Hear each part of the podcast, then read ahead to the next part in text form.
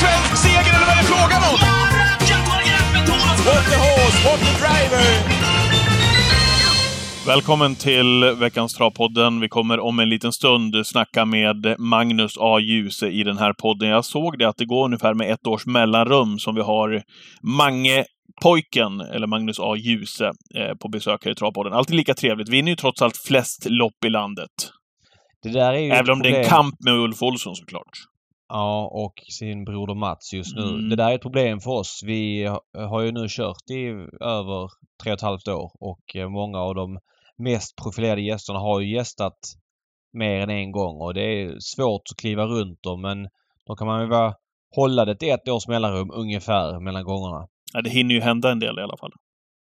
Det hinner hända en del och när det är en sån här omgång som på lördag med 46 miljoner extra. Du, på tal om det, vet du, jag läste precis. Nej. Eh, Att ATG stoppar in pengar i poolen som är spelare som har fuskat. Jag hann- hann bara läsa rubriken. För att jackpotten blev lite större än förväntat. Då står det fuskande ATG-kunders konfiskerade vinster adderas till lördagens V75-pott. Jag fattar inte. Ja men eh, eh, de har beslagtagit pengar av spelare som de tycker har fuskat. Alltså typ som har lämnat in eh, jag vet inte om det är några robotspel och så vidare. Mhm. Men ehm, ja, det här är intressant för 33,7 miljoner extra i sjurättspotten har, har blivit 46,7. Anledningen? Regelförbrytare som fått sina vinster konfiskerade. Man kan säga att det handlar om pengar som funnits under ett antal års tid i längsta fallen, säger Toto-chef Marcus Wahlman. Nu ligger du pyrt till. Ja. Mm. Hur menar du? Du kanske är en utav dem. Nej, jag har inte fått bidra eh, med de här. Men det var ju schysst ju. Det hade jag ingen aning om faktiskt. Läste precis. Så det blir alltså istället för 33,7 blir det 46,7 extra. Det är 13 mil extra. Det var ju schysst ju.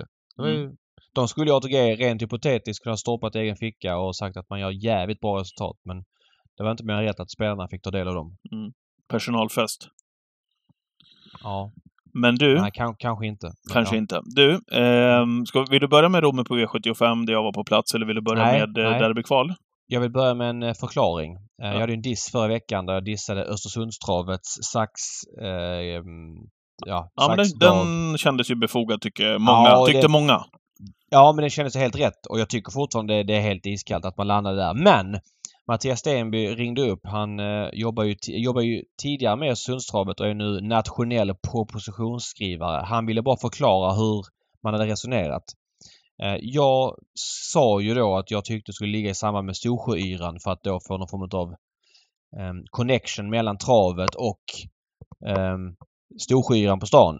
Då ska jag säga att jag inte vet hur Storsjöyran riktigt funkar men den kulminerar då under den här helgen innan fredag till eh, söndag och förra året körde man på Storsjöyran söndagen och det var tydligen jättesvårt att få personal till Östersundstravet för att alla är liksom upptagna med att jobba på yran. Så man ville absolut inte ligga på, i Storsjöyrans prime utan man kan tänka sig ligga tidigare på veckan då när Storsjöyran kommer igång. Så det var en förklaring till att man inte ville ligga där. Eh, sen var det så här att eh, nästa år kör Östersundstravet den här dagen som Mantorp körde V86 på. Den går ju runt den där eh, första onsdagen i augusti. Och där kommer man köra Breeders nästa år och de här loppen. Så att nästa år kommer det vara en rak V86 och det visste man om. Så att det här året var liksom en, ja, det var en lösning. Man, man accepterade det här för att det skulle vara en gång eh, bara. Eh, därmed inte sagt att man var nöjda med den lösningen för att det var någon annan dag som föll bort och lite så här. Så att det var väl delar av förklaringen att man inte ville ligga under Storsjöyran. Och sen så måste det vara viss distans till försöken som går i Norge till norska derbyt som ligger lite, lite senare så man kan inte ligga för långt bak i heller. Så att man har ett begränsat utrymme. Jag köper det. Men eh, det landar i ändå att då, då kan ju ATG, som man de facto kan, acceptera att man kör en rak V64 Storchampionatsfredagen eller Bergsåkersfredagen nu då, nu på fredag med, med Open Trot. Då funkar det ju uppenbarligen. Så då borde ju även en st- eh, storlopp kunna avgöras utan saxtrav. Jag menar, man fick till och med anpassa defileringen till att det var saxtrav. Det är ju inte riktigt den vägen vi behöver gå om vi ska bygga de stora eventen. Så det var lite förklaring från hans sida. Jag, jag, jag fattar att det inte är helt enkelt att bara stoppa in en dag och göra det till vad det är. Men lik förbannat så landade jag att Sax var den sämsta lösningen av allt. Men, men eh, ja, det var ändå trevligt att man blir uppringd och får en förklaring. Så Ja, men det är bra. En förståelse. Absolut. Eh, derbyt eller Romme? Det behöver Romme. Mm. Det är längst Vad, bak. hur följde du omgången? Hur nära?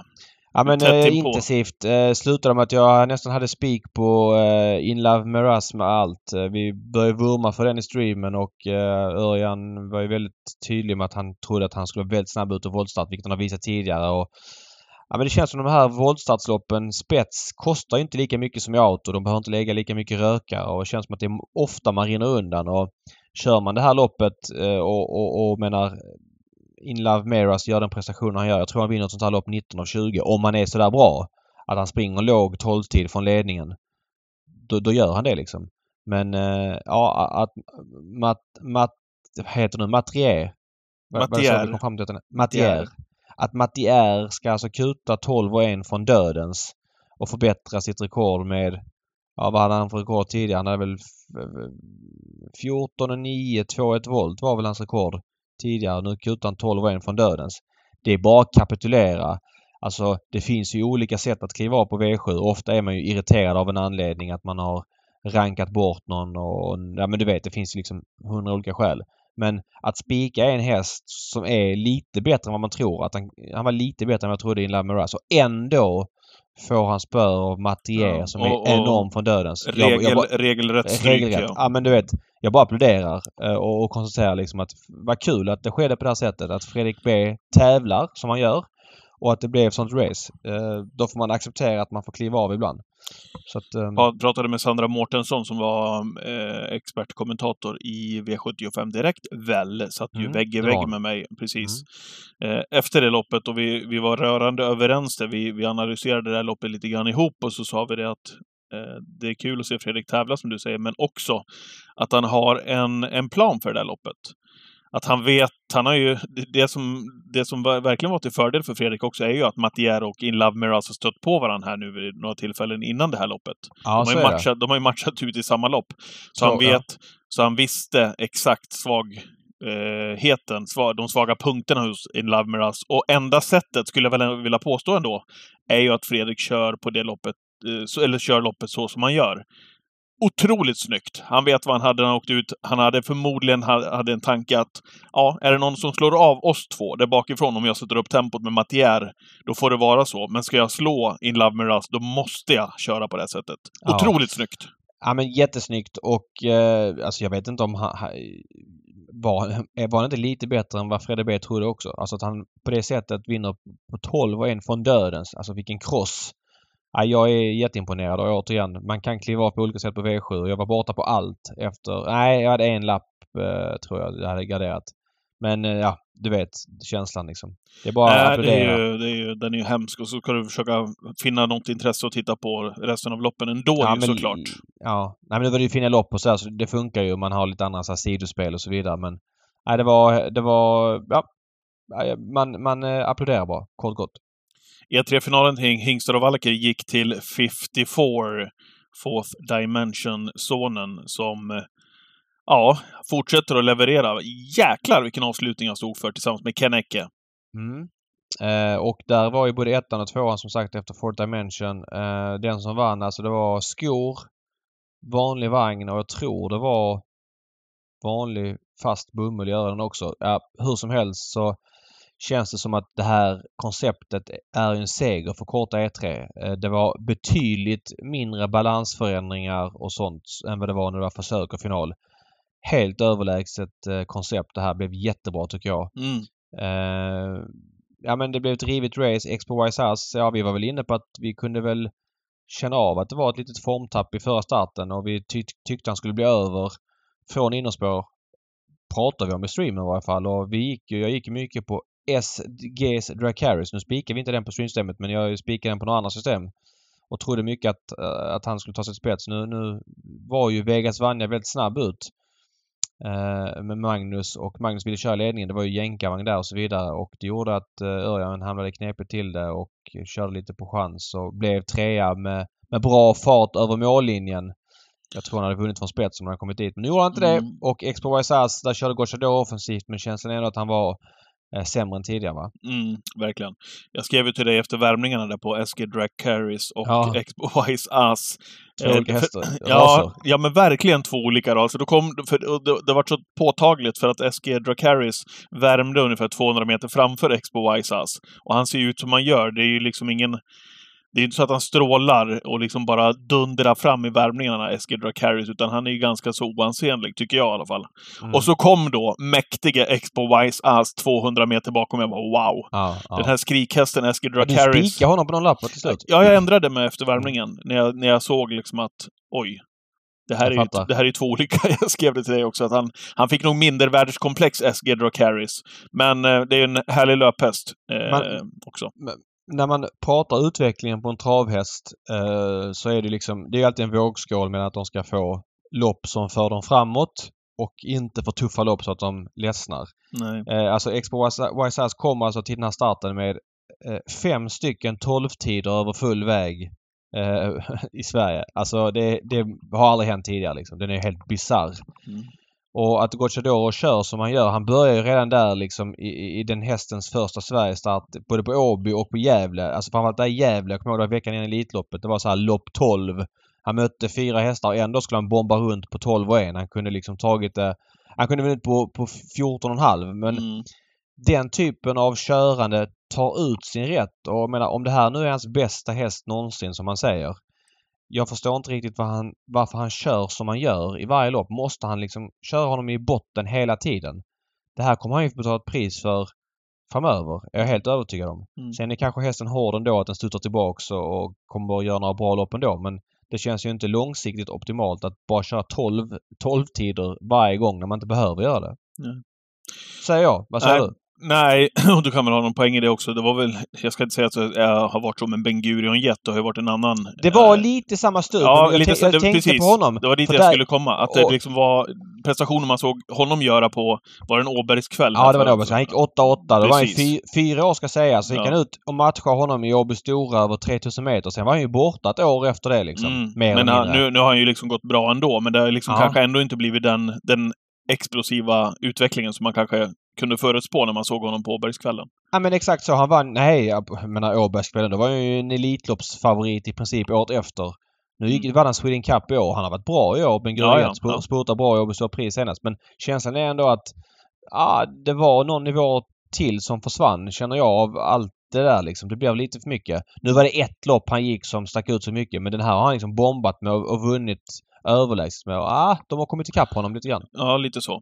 Eh, Jag satt ju med på ett utav, jag spikade som du säger, jag ändrade mig och spikade på två system trots att han var favorit. Men då, då trendade Eskil Dracaris enormt också. Ja, jag, jag Fast det på- ebbade lite till slut då. Det blev Ja. ändå bara 23. Vi, Så- vi snackade om att det kunde bli upp mot 30. Det ja, blev ju precis. aldrig. Det blev ju inte det. Eh, Expo Wise Ass på två system. Men jag satt ju med på ett utav spel, eh, spelen på spel och lekkontoret och fick sex rätt på dem. Och satt ju fullsmet i stort sett i sjätte och sjunde avdelningen, men hade spikat Filippa B i, i, Ja. i femte. Det hade hoppats på lite en annan eh, utgång. Men vi fick ju Gocciadoro i Charmante Sac. Vi kan återkomma till eh, det loppet alldeles strax. Eh, vad säger du om E3-finalen för, för Ston då? Eh, vi kan väl också toucha vid det, tycker jag, när vi pratar med Magnus här om en liten stund. När det var hans bror Mattias som hade vinnaren en eh, märkbart rörd Mattias Ljus efteråt, såklart. Med familjehästen. Eh, a teaser. Och där, står ni, där står ni och vi på auktionerna och så letar vi bra stam, David. Här, eh, här snackar vi någonting annat. Här är det lite form av hemkok och det är helt underbart tycker jag. Att det kan få gå på det här viset då.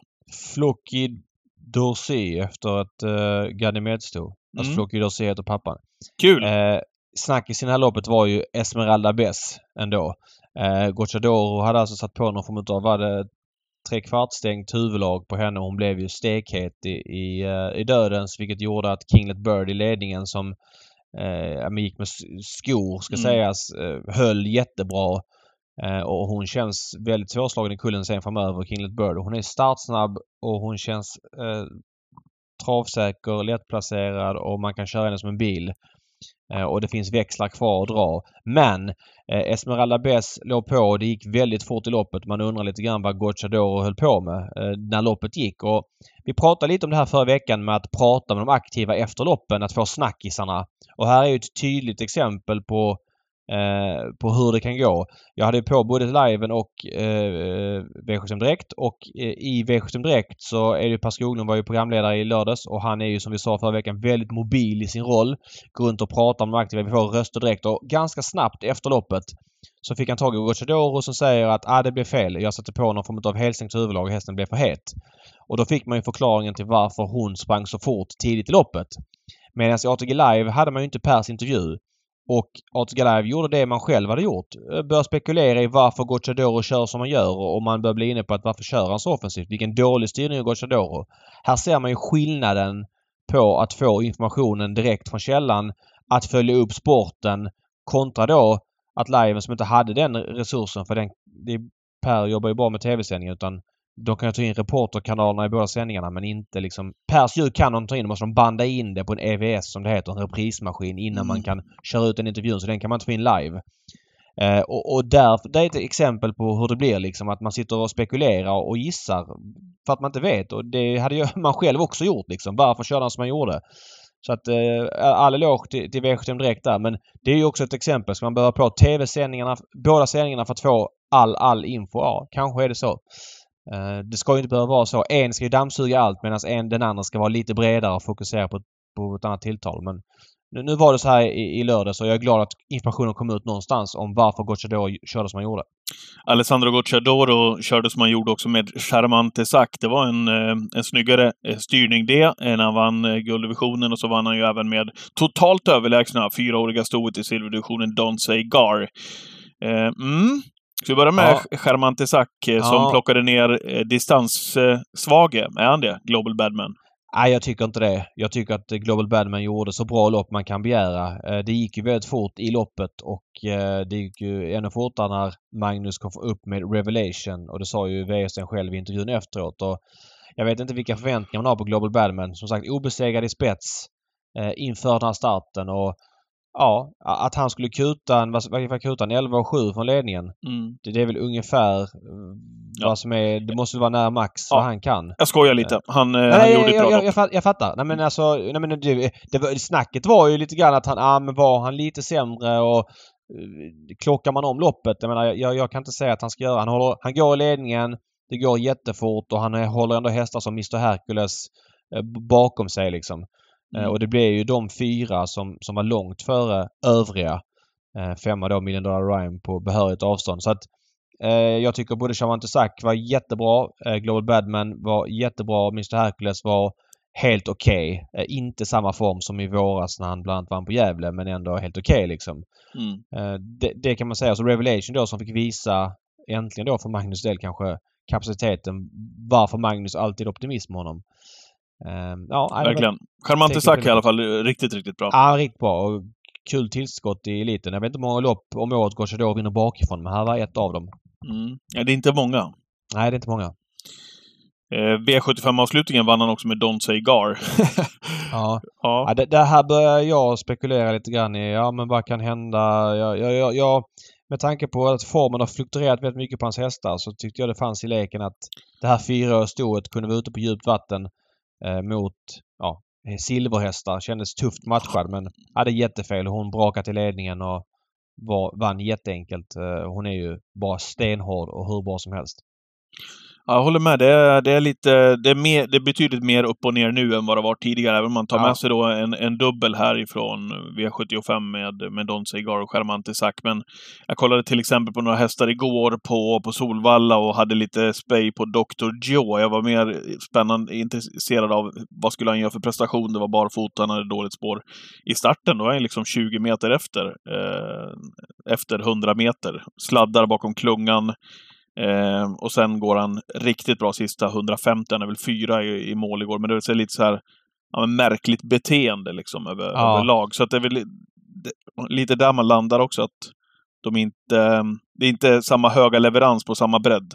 Nej, och det, så här har det varit tidigare. Den här dippen har ju år då, om det nu är en dipp. Ja, det, det, det blir egentligen inte någon superdipp det här om nej, man går in och kollar men, resultaten. Men, nej, kanske inte. Men, men eh, nivåsänkning kan vi säga det då. Den har ju kommit lite senare i år än tidigare år. Min bild är att den ska ha kommit liksom kanske ja, men, någonstans i juli på vissa hästar. Kanske sådär. Men nu kommer den då i slutet av augusti. Eh, han brände med Esperia Font ska sägas eh, i ett utav de här E3-chansen Mm. loppen innan V75. Hon Jag kommer till det om en eh, stund. Ja, 1,75 och galopperade. Så att, eh, ja men som sagt, han suttar tillbaka med några andra. Eh, det, det är upp och ner på honom och så är det, får vi nog vänja oss vid att det är den kommande månaden innan- han drar hem till Italien i, inför vintern. Mm. Även om du hade snackisen där i, i Esmeralda Bess i E3-finalen så måste vi väl ändå bara ta hem ett teaser där som får vinna där med den stammen och på det sättet. Det var, det var kul att se. Ja, och Erik som har haft ett tufft år. Visserligen Mm. har han fått vinna några lopp med joviality men där bakom har det varit eh, glest. Ja, men jättesnygg styrning och, och menar... jag tror det är rätt viktigt för honom att visa liksom att han ändå är med i leken. Jag tycker som sagt inte att han kör sämre än tidigare men han kör ju betydligt mindre och sämre hästar av olika anledningar då. Eh, Men han är ändå med i leken och det var kul att han fick vinna liksom, ja, med den här 31 åtsan på, på, en snygg styrning kontot eh, också. Inte bara att han hade bästa hästen. Det är få segerintervjuer som jag pallar lyssna på. Det är likadant när jag går ner och gör segerintervjuer själv. Det är ju väldigt svårt att hitta en vinkel på, på varje lopp liksom, utan det blir ju ofta vad det blir. Tyvärr. Det blir, och många kuskar är det slentrianmässiga och, och standardmässiga svar. Men det blir också mer och mer uppenbart tycker jag när Erik vinner lopp.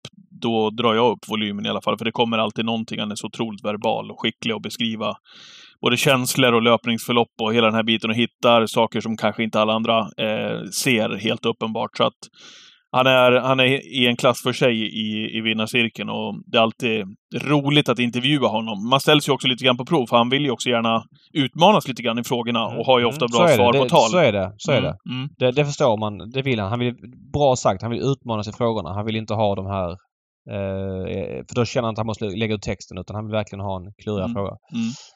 Ja. Ja, har du någon mer kring Romme? Eller ska Nej, vi... fem millar. Kul med hög utdelning. Det gillar vi. Även om man själv inte får vara där och Även hugga om, så- även om Filippa BJ brände. Det var synd ja. Mm. Synd. Eh, ja, det Hon var inte ens nära. det, det var över för henne efter när hon inte tog spets. Ja, Det- och var vilket vi inte- sa också, det byggde ju på spets. Hon är ju inte den hästen som ska fram Nej. i döden. Så Nej, det var inte det löpningsförloppet man, man ville Nej. ha på henne i alla fall. Men det är vad det är. Eh, det eh, derbyuttagningarna i tisdags, de Mm. följde du med lupp. Ja, Ska vi börja med din häst eh, Da- David, som ju ändå var tvåa i kriteriet förra året och en av kulltopparna. Mm. Eh, och en av de betrodda i, i tisdags var ju en av de som tillsammans med Bidazzle Sox och de här andra högrankade som inte tog sig vidare. Vad, vad säger du om Bengan om vi tar hem honom först? Eh, Bengan eh, stängde till 3,74 på toton. Jag tyckte det kändes lågt. Det Den första barfota runt om på Bengan. Ja, det finns lite två saker att säga. Å ena sidan öppnade han bra igen men blev het. Han blev lite halvhet senast även om Örjan då lät han löpa på på valla. Det var 2-1 den gången och det var mer Örjan som liksom ville testa honom. Han hade fått två lätta lopp innan det. Nu blev han ändå över 2,6 så att Örjan ville dra lite mer i honom. Eh, ja men det kändes ju aldrig riktigt bra när han låg på sådär. Nej, och sen eh, fick han väl mycket. också en, en, först en liten tryckare, eller efter en bit av Adrian också med Barack Face. Eh, Precis. Också, och då, det ja, gjorde väl inte att, att det blev bättre för Bengan kanske. Nej, Adam ville väl testa om Örjan ville släppa för att han hade en het häst liksom. Sen vet jag Rimligt. inte om... Ja, Rimligt. absolut rimligt. Det är absolut inte fel i det. Sen vet jag inte om, om Örjan... eh, Det såg inte jag. Om han ville köra ledningen eller om han liksom inte riktigt kunde. För att så fort Face kom upp på utsidan så gissar jag att Bengan tävlar ännu mer. Det, det Mm. vet jag inte vad som hände där. Men fullt legitimt kört av Adrian. Eh, ja, men sen så eh, Bengan hoppar då i slutsvängen när Örjan drar norskan. Jag har inte snackat med Örjan efteråt. Jag tänkte säga det, har du inte pratat med Öje i Kila? Nej, jag, jag ska snacka med honom på lördag inför tävlingarna tänkte jag. Försöka slå en signal och, och då tar jag de frågorna. Jag och orkade inte. Alltså, jag, jag skulle flög hem sen och, och så Mm. var det inte läge att ringa. Men, men jag läste en intervju på, på travronden där han sa att det var krafter kvar i det läget när han drar norskan. Jag tror ju att han... Jag, jag, jag tycker det ser chanslöst ut att han ska vinna loppet eh, i det läget. Men vad innebär krafter kvar? Innebär det att han kanske kunde fightat som andra priset eller kunde han varit, eh, kommit i mål som trea på, på en bra tid? Jag vet inte, jag har ingen aning. Eh, totalt sett tyckte jag det var kapacitetsmässigt ändå ett fall framåt. Om jag tänker han packade ihop fullständigt i ledningen gången innan. På Mm. 12 och 7 på Valla. Han gick alltså 17 och 9 sista 200 i det loppet. Nu gick han 12 och 4 i 2140 meter och in i svängen var ändå hyfsat gott gåendes. Eh, det var en nivåhöjning mot gången innan och barfota verkar fungerat, fungerat väl.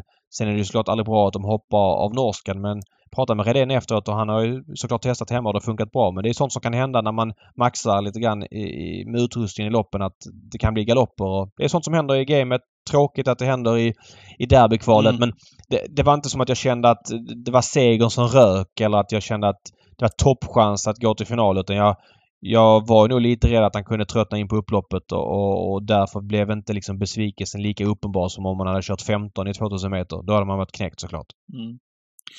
Måste säga att Barack Face där var otrolig. Eh, väldigt, väldigt fin. Ja, med det verkligen. löpningsförloppet och går Ja. undan och svarar Dense Brodde också som fick, som fick gå med det bakom. Eh, du missade intervjun då såklart. Du var på plats va? Sa du det? Ja, men jag hade Mm. liven på vill jag säga. Ja. Okej, det var så kul att se Lutfi Colginis injobbning, även om jag givetvis satt och höll tummarna för din häst. Ja, Såklart. nej, men det är Så såklart var det ju också när man fick se bilderna på, ja, två tankar samtidigt, och se Lutfi Colgjini så exalterad, så inne i matchen igen.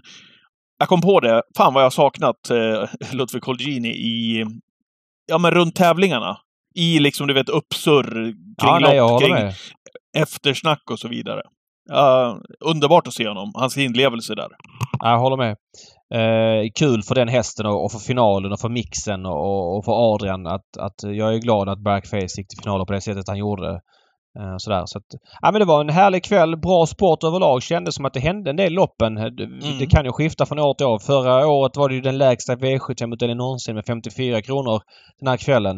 Nu var det ändå lite riviga lopp och lite oväntade prestationer. Många bra hästar hade fått sämre lägen och det kördes lite mer i loppen för att det inte kanske fanns givna scenario där en favorit kommer till ledningen, inget händer och alla kör för andra priset. Mm. Så att eh, jag vill minnas det här som en rolig derbykvalskväll eh, och sett hur loppen kördes. Och sen, sen så Joviality som stor som kvalar in. Hon studsar tillbaka och visar att 2640 meter inte är något problem. Nej.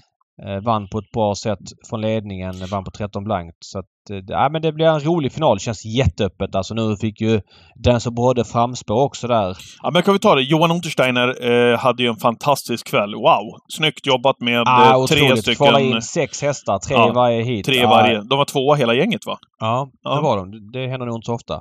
Nej. Och även Daniel Redén hade ju en, en, en fin kväll med tre väl till hingstarnas va? Ja, jag tror ändå han var lite missnöjd för att han fick med propulsion också. Eh, förlåt, eh, pole position också. Ja, precis. Eh, som... Ja, men efter tappert. Ja, men jag, efter 500 meter när Esposito öppnade 07 och han kunde glida fram i dödens, då räknade jag in honom som en av de två. Alltså redan Mm. då kände jag, så jag förstår att Redén var besviken på det. Mm. Men han hade ändå tre in till final va? Tre in till final, Och precis. två, Eh, och två i stona. Ja. Eh, det, det kan vi väl säga någonting om Esposito som, ja Magnus får återkomma till den här alldeles strax, men eh, som var tvåa. Men där det stora utropstecknet var den tidigare ehm, eh, Roger Wahlman-tränade. Eh, Coca Holly, som nu eh, finns i Thomas Malmqvists regi, hade gjort en start i Frankrike, var sexa då och kom ut. Det där var en avslutning som det var den där gamla Coca Holly ändå, trots allt. Ja, fast jag tycker ändå man drar lite stora växlar på det här. Han fick Ja, men gör man perfekt- verkligen det? Alltså intrycket David, är, även om jag vet att du är en tids... Du tittar ju tider och tycker 13 Ja, men jag, 6. ty- jag tycker inte avslutningen så här. Jag, jag tycker Coca-Cola har alltid varit en bra avslutare. Nu, nu blev han ju framdragen Mm. eh, fram till upploppet. Och när, alltså Esposito hade gått 07 första fem eller 07,5. Eh, det gick alltså 14, över 14 i 2000 meter. Klart långsammaste försöket var det här. Så det gick ju extremt långsamt mitt i loppet. Jag pratade med Ulf Olsson efteråt eh, när vi hade landat på Arlanda. Han, han, han, han körde, jag tror det var There's No Limit va?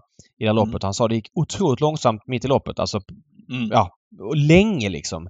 Och, och eh, ja, då, då blir tecken att Coca-Cola blir framdragen och så kanske lite syra på, på Esposito som har fått lägga en rökare från start. Ja, men jag, jag tycker att han var bra. Han fick ett bra lopp men han gjorde ju också bra avslutningar i Wahlmans regi. Det är möjligtvis att det är klart Ja, att han gick är ju en bra Roger. nivåhöjning nu. Mm. Men jag tycker han är nästan skyldig att vinna med det loppet han får. Så kände jag. Ja. Och då kan man väl, när vi ändå pratar Wahlman där, som, som inte kvalade in, är det kullens jämnaste häst trots allt väl?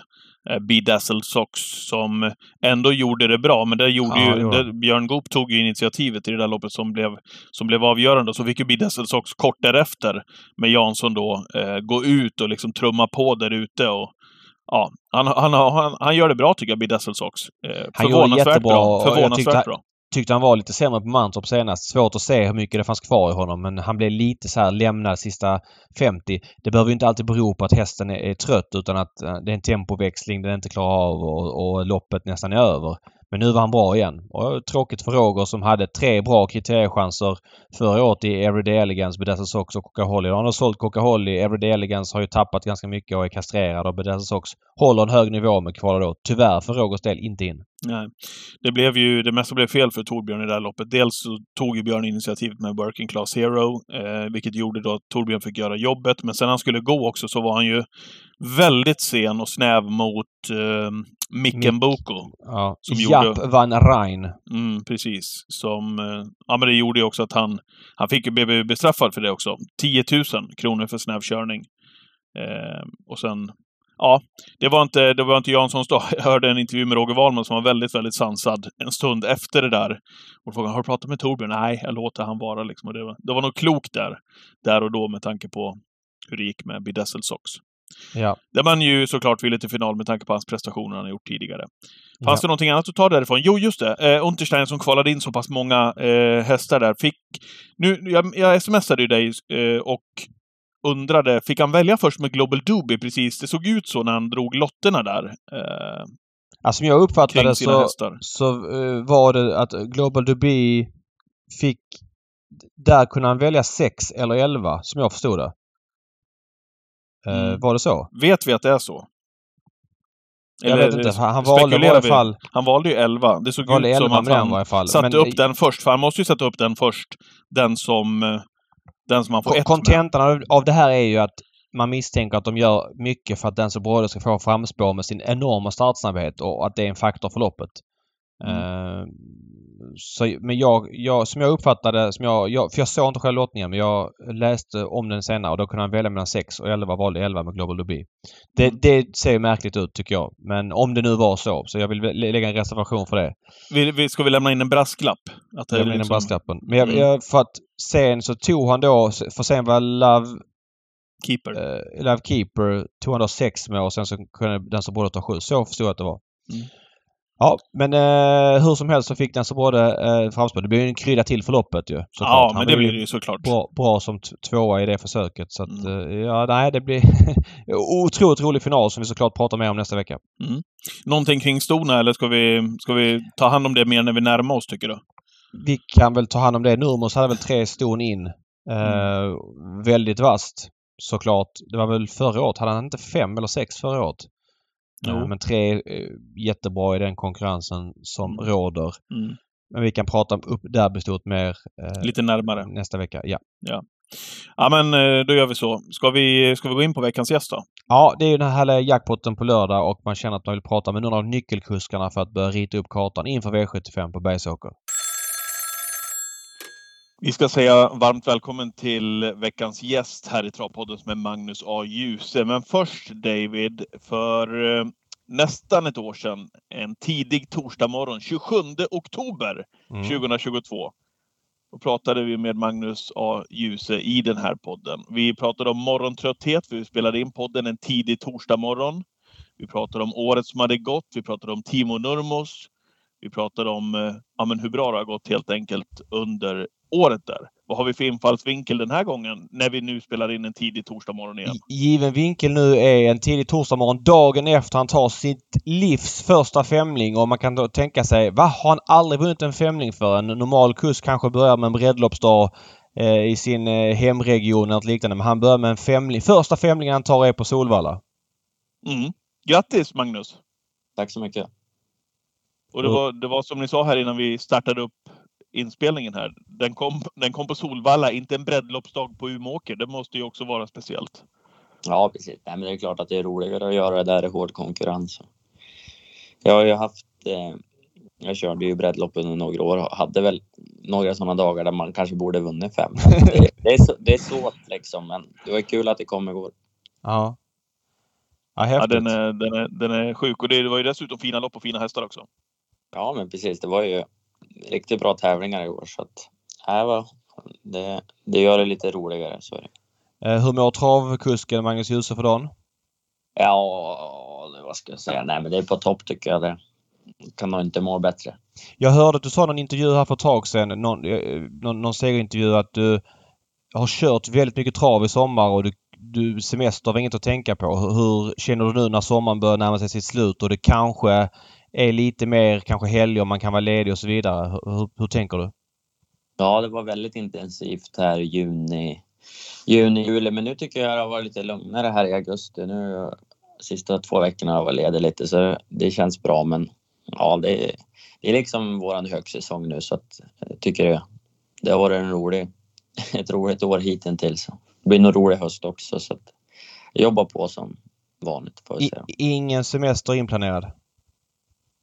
Nej, nej inte, inte under hösten i alla fall. Jag ska väl åka i januari men inte, inte under hösten. Det blir inte. Nej. Hur, hur viktigt är det för dig att eh, ta den allsvenska kuskligan? Hur många segrar vart det till godo förra året? Eh, ja, det blev, nog, det blev ju inte så hårt till slut va? eftersom Uffe var ju lite sjuk där på slutet. Ja, okay. Mm, jag tror kanske det blev 8-10 segrar skulle jag gissa eller något sånt där. Ja. Hur, hur viktigt är det att behålla den titeln för dig? Eh, nej, det är klart att man vill ju vinna såklart. Men eh, eftersom jag vann förra året var det mer viktigt i fjol om man säger så. Eh. Mm. Du har enligt ST 167 segrar i år. Mats och Uffe har 154. Är det ett eh. betryggande avstånd eller vad säger man? Ja, det svänger fort. Det räcker att man har en lite sämre period och de har bra perioder. Så att, uh, ja, men det, det blir nog en tuff kamp hela vägen in, det skulle jag tro. Vad skulle du helst vinna? Det räcker, med att man, det räcker med att man tar en femling bara, så drygar man ut försprånget också. Ja, precis så. vad skulle du helst vinna? Allsvenska kuskligan, antalet segrar eller köra in mest pengar? Jag kör in mest pengar. Helt okay. klart. Helt klart ja. Ja, där ligger du på 29 millar. Örjan har 31,7. Ja, mm. sen är det väl eh, ett rejält hopp till Björn som har 22,8. Ja, nej, det är klart att jag... Eh, det, det hade väl varit en höjdare om man skulle kunna slå Örjan. Det är ju nästan till omöjligt. Den är lite svår... Han har inte ryckt så mycket än i alla fall. Nej, och, och, men, och den är lite svår att påverka. För är det så att du vill jaga pinnar då kan man kanske ta något lunchtrav extra och sådär liksom. Men i pengar är det svårt att göra så mycket va? Nej, då gäller det att vinna något kriteriet eller derbyt. Ja, ja. precis så.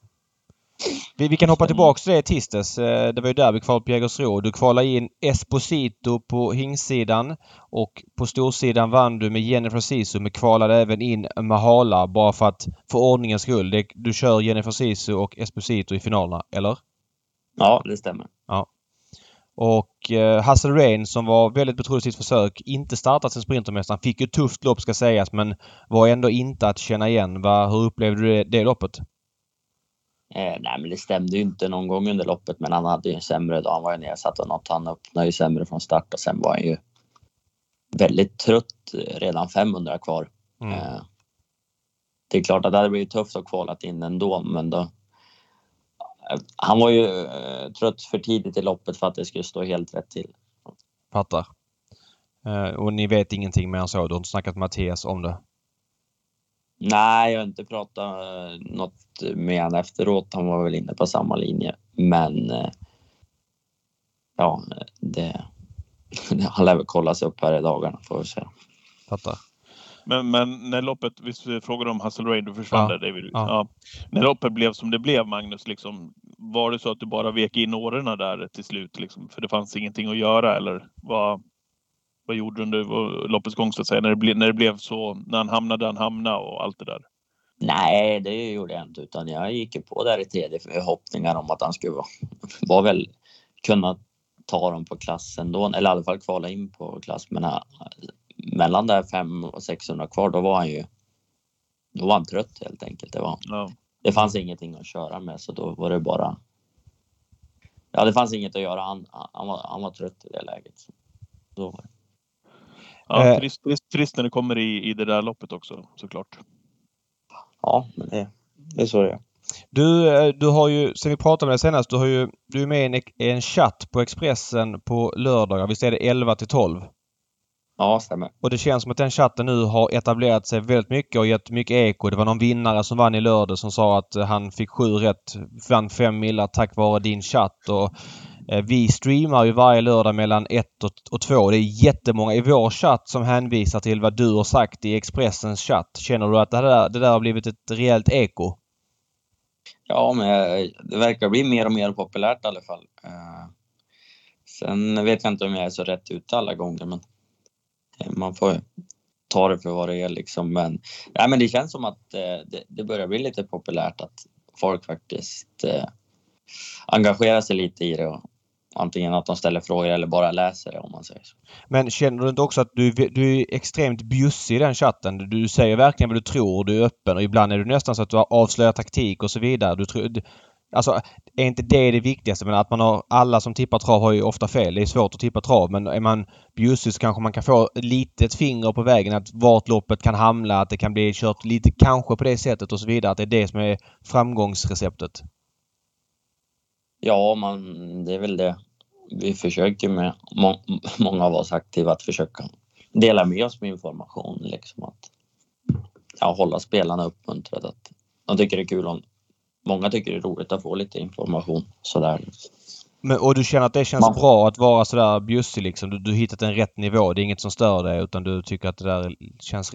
Du lirar rätt liksom? Ja, men det funkar bra tycker ja. jag. Det, det, funkar bra. Jag tror många spelare uppskattar det väldigt mycket. Det, det, det är ju när du är sådär schysst som du, alltså att du ändå säger mycket. Det tror jag uppskattas men det är ju inte givet heller. Det kan ju bli så att du till slut känner att ah, men jag, jag kanske tar ett steg tillbaka och att du vet att det där går upp och ner liksom. Men jag tror många gillar att du verkligen ja, men säger vad du tror kort och gott och sen så tror man att man på det för vad det är liksom. Ja, nej, men så är det ju att de flesta vet ju att det blir ju, kan ju bli fel ändå. Eller att man gör som man inte sa i första, första tanken liksom. Så att ja. Jag tycker många, många spelare är ju, de förstår ju det att det blir ju, blir ju kanske inte som man tänkt eller sagt alla gånger heller. Så. Men eh, och det roliga där, en, en röd tråd är ju hästen Revelation som varit ute en del på V7. Det har blivit mycket galopp och så vidare. Och det är en häst som man kanske... Tittar jag bara på hästen och ska ta med mig honom så det känns som att nej, men det, det går inte. Men eftersom man bombas av info till höger och vänster att du eh, fortsatt tror väldigt mycket på hästen och gillar honom och vilket du fick väldigt mycket fog för i, i, i lördags när han var jättebra. Han har ju fortsatt problem med travet men uppenbarligen har du känt att det finns en kapacitet där som kanske inte alltid syns och, och, och sådär. Känns det skönt att han ändå fick visa det lite mer i lördags än att det var liksom en galopp? Ja, att han gick felfritt var bra men det är klart att jag var väl jag trodde han skulle vinna det loppet och det var en besvikelse att vi inte kunde vinna. Så är det eh, Han var ändå han var väl, jag trodde ändå att han skulle trava så pass bra så han skulle klara, Gåren hålla ifrån sig dem eh, i sista sväng och kunna avgöra över upploppet. Så att, eh, det var väl ändå en li, liten besvikelse men det var ju bra att han travade i alla fall, att han visade att han kan sköta så att han inte galopperar så fort det blir lite problem med stilen om man säger så. Vad är det han har för problem med den här hästen? Ja, men det blir lite i kurvan att han drar lite höger bak och så blir han, han lite trång i gången på samma gång så att eh, det blir nära till galopp. Eh, sen har det varit så där vissa starter har det fungerat mycket bättre och så någon gång lite sämre och eh, jag tycker att han är ja, men liksom väldigt stark och ja, men bra. Det är mycket power i honom. Stark och bra sådär men det finns väl lite, lite att fila på för att få till han helt hundra. Det hade varit väldigt kul om man, om man travar perfekt liksom någon gång liksom. Och det är ett par lopp i år då han har travat perfekt, men då har det egentligen gått för fort om man säger så. Det var ju Rättvik där när Best of in Trio vann. Mm. Då hade jag ju så långt fram, då kom man ju i smått skentrav där 500 kvar in i kurvan och då gick det väl mer att det gick för fort liksom. Mm. Ja, sp spännande häst. Eh, när du var med senast här i oktober då, då kände jag, vet inte, ditt, ditt samarbete med Timo Nurmos, det känns som du har vuxit liksom lite undan för undan och du körde redan mycket Timo då men nu känns det som att du är framförallt från årsskiftet är verkligen uttalad etta och så vidare. Nu har jag ändå gått snart nio månader in på, eller åtta månader in på året. Hur tycker du att samarbetet funkar? det fungerar ju eh, väldigt eh, bra. Nu kör jag ju inte allt liksom, men jag kör rätt mycket och ja, det är ju bara vara glad att man får köra liksom. Det, det fungerar jättebra tycker jag. Ja, det är väldigt lättsamt eh, samarbete om man säger så. Inga, inga krusiduller, det är bara att hoppa upp och köra. Mm. Har, har har du någon... aldrig, aldrig, aldrig några problem med någonting tycker jag. Nej. Har du några hästar i det stallet som du har fastnat lite extra för, som du tycker är lite mer spännande än någon annan? Ja, men Our Pride är lätt att säga. Sen, sen gillar jag Revelation också, men uh, Our Pride är väl den mest spännande och den man går runt och längtar lite till man ska få köra nästa gång om man säger så. Så jäkla roligt att du säger det, för när jag gjorde segerintervjun med dig, han har väl startat typ tre av fyra gånger i Rättvik eh, ja. i sin karriär. Va? Och så gjorde jag en segerintervju med dig i vinnarcirkeln där och så, ja men du är ju liksom ingen man av stora ord ju eh, i vinnarcirklarna, men, ja, men så ställde jag väl typ någon fråga, vad, liksom, vad, vad tycker du att den här är den här vettig kapacitet eller någonting? Och du svarade något liknande med ja, jag har inte sett någon bättre eller liknande. Eller vad tycker du? Eller något sådär, Så ställer du en motfråga. Eh, det sa lite grann lite där och då tyckte jag vad du, vad du kände för den där hästen. Eh, ja, eh, nej men han, han, är. Man blir väldigt glad av att köra. Han är en fantastisk eh, individ alltså. Det, Ja, nej, vad, vad, vad, är det du känner i honom? Vad är det du känner i honom, Magnus? Alltså om vi ska lägga ut texten om honom. Eh, har du sett honom David? Han har startat fyra gånger. Jag såg honom på Gävle senast. Det var ju mm. en lunchtravsdag sådär, lopp två. Det kändes lite utanför. Och, och så vet jag att det är Niklas Bäckströms häst. Så jag har ja. därför kanske fått upp ögonen till honom. Jag har sett honom, ja. Ja. Vad, vad är det du känner i honom, Magnus, som inte, som inte vi kanske ser då?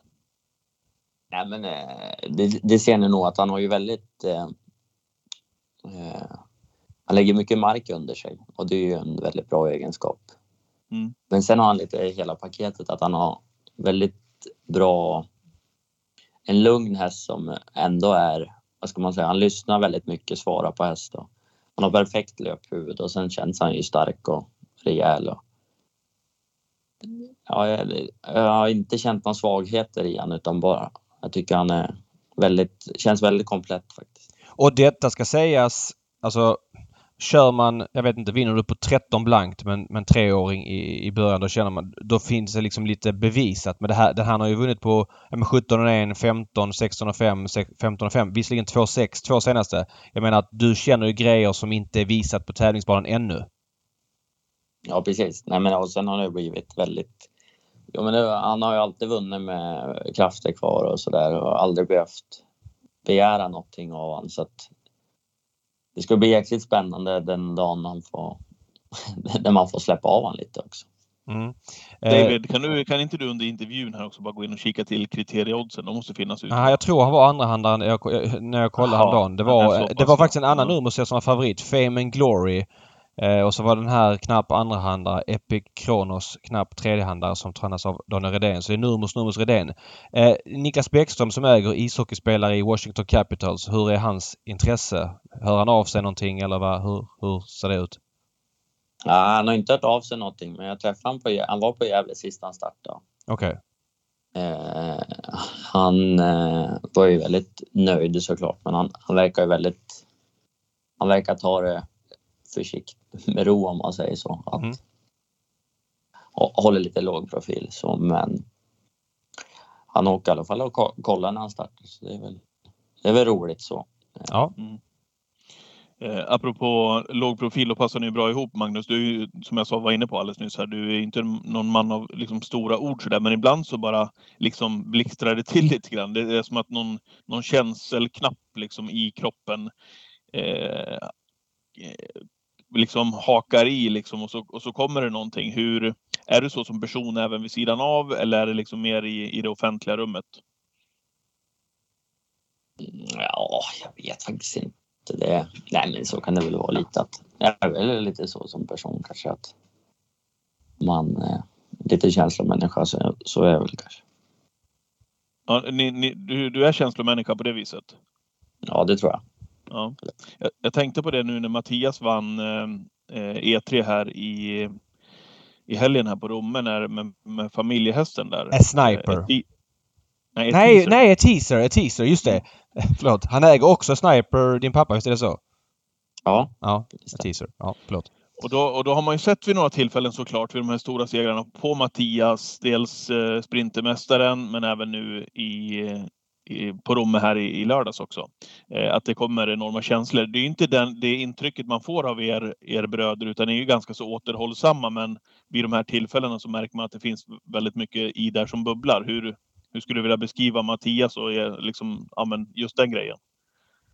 ja men jag tror det, det är ju en väldigt stor verksamhet och det är väldigt mycket jobb bakom liksom att få fyra hästar till final. Så det är klart det blir väl lite att det släpper lite om man säger så. Sen så är det klart roligt hela grejen med hästen att den, just den vann va så att eh, men eh, jag tror det blir ännu mer för han som är tränare liksom att jobba med hästarna dag ut och dag in och det är en stor verksamhet och det är klart att det, det, är, inget, det är inget, eh, det är inte, jobbar inte 40 timmar i veckan om man säger så. Utan Nej. mycket, mycket jobb bakom så det är klart det blir mycket anspänning också till sådana där lopp och sen släpper det väl lite ska jag gissa. Du måste gå tillbaks till R-Pride där. Det, jag utgår från att det är kriteriet. Vet du när han startar nästa gång? Nej, det vet jag inte. Okej, så man kör, du kör smygen varje gång du kollar anmälningslistor och så hoppas du att han ska anmäla till ett lopp? Ja, ja precis. Så.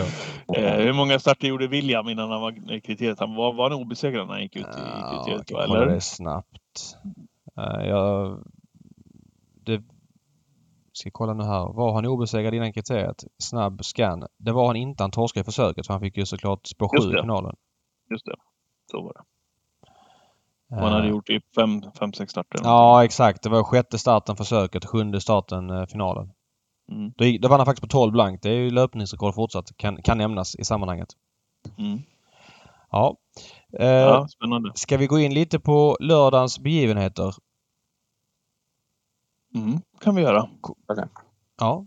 Det är ju V75 på lördag. Det är det ju varje lördag i princip, så det är inte något unikt med det. Men det unika på lördag är att det är 46 miljoner extra i sjurättspotten.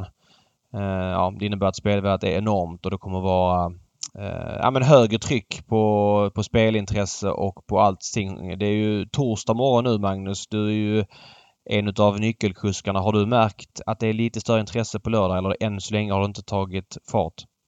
Nej, jag har inte märkt någonting än så länge, men det kanske blir lite annat imorgon och på lördag, ska jag gissa. Men än så länge har det varit lugnt. Ja. Mm. Ska vi Eh, köra igång då? Ja, men vi kan börja i, i V71. Jag vill börja med en Gocciador-häst som du körde senast. Kronos Deglidé som, eh, ja, eh, Eh, var stor favorit men eh, fick inte tag i Marlon Bucco på, på Dannero. Vad säger du om den hästen som du körde senast? Eh, jo, men han gick, han gick helt okej, men han gick i dödens hela vägen och det blev väl lite för tufft. Eh, jag vet inte om man, om man tröttnade lite eller om det blev mentalt jobbigt. Eh, det är svårt att säga, men ja, det var. Det kändes som en bra häst, men det räckte inte riktigt den gången. Mm, det är klart, nu är han väl barfota runt om och det lär inte vara ett minus. Det tror jag inte. Eh, jag måste fråga en sak när man kör Gocciadors hästar. Känslan är att han, hans hästar ofta springer, han drar tussarna väldigt tidigt i loppen. Är det någonting du har tänkt på själva att anamma eller, eller har du inte resonerat på det alls? Nej, jag har inte resonerat på Gör han det verkligen? Det Jag- känns som att han rycker jag- i sista sväng. Nej, nej, nej. Han ry- rycker dem tidigt. Men man ser ju ofta de här tussarna fladdra. Jag, jag tänkte det när jag såg Kronos Deglidé senast att tussarna var ryckta ganska tidigt.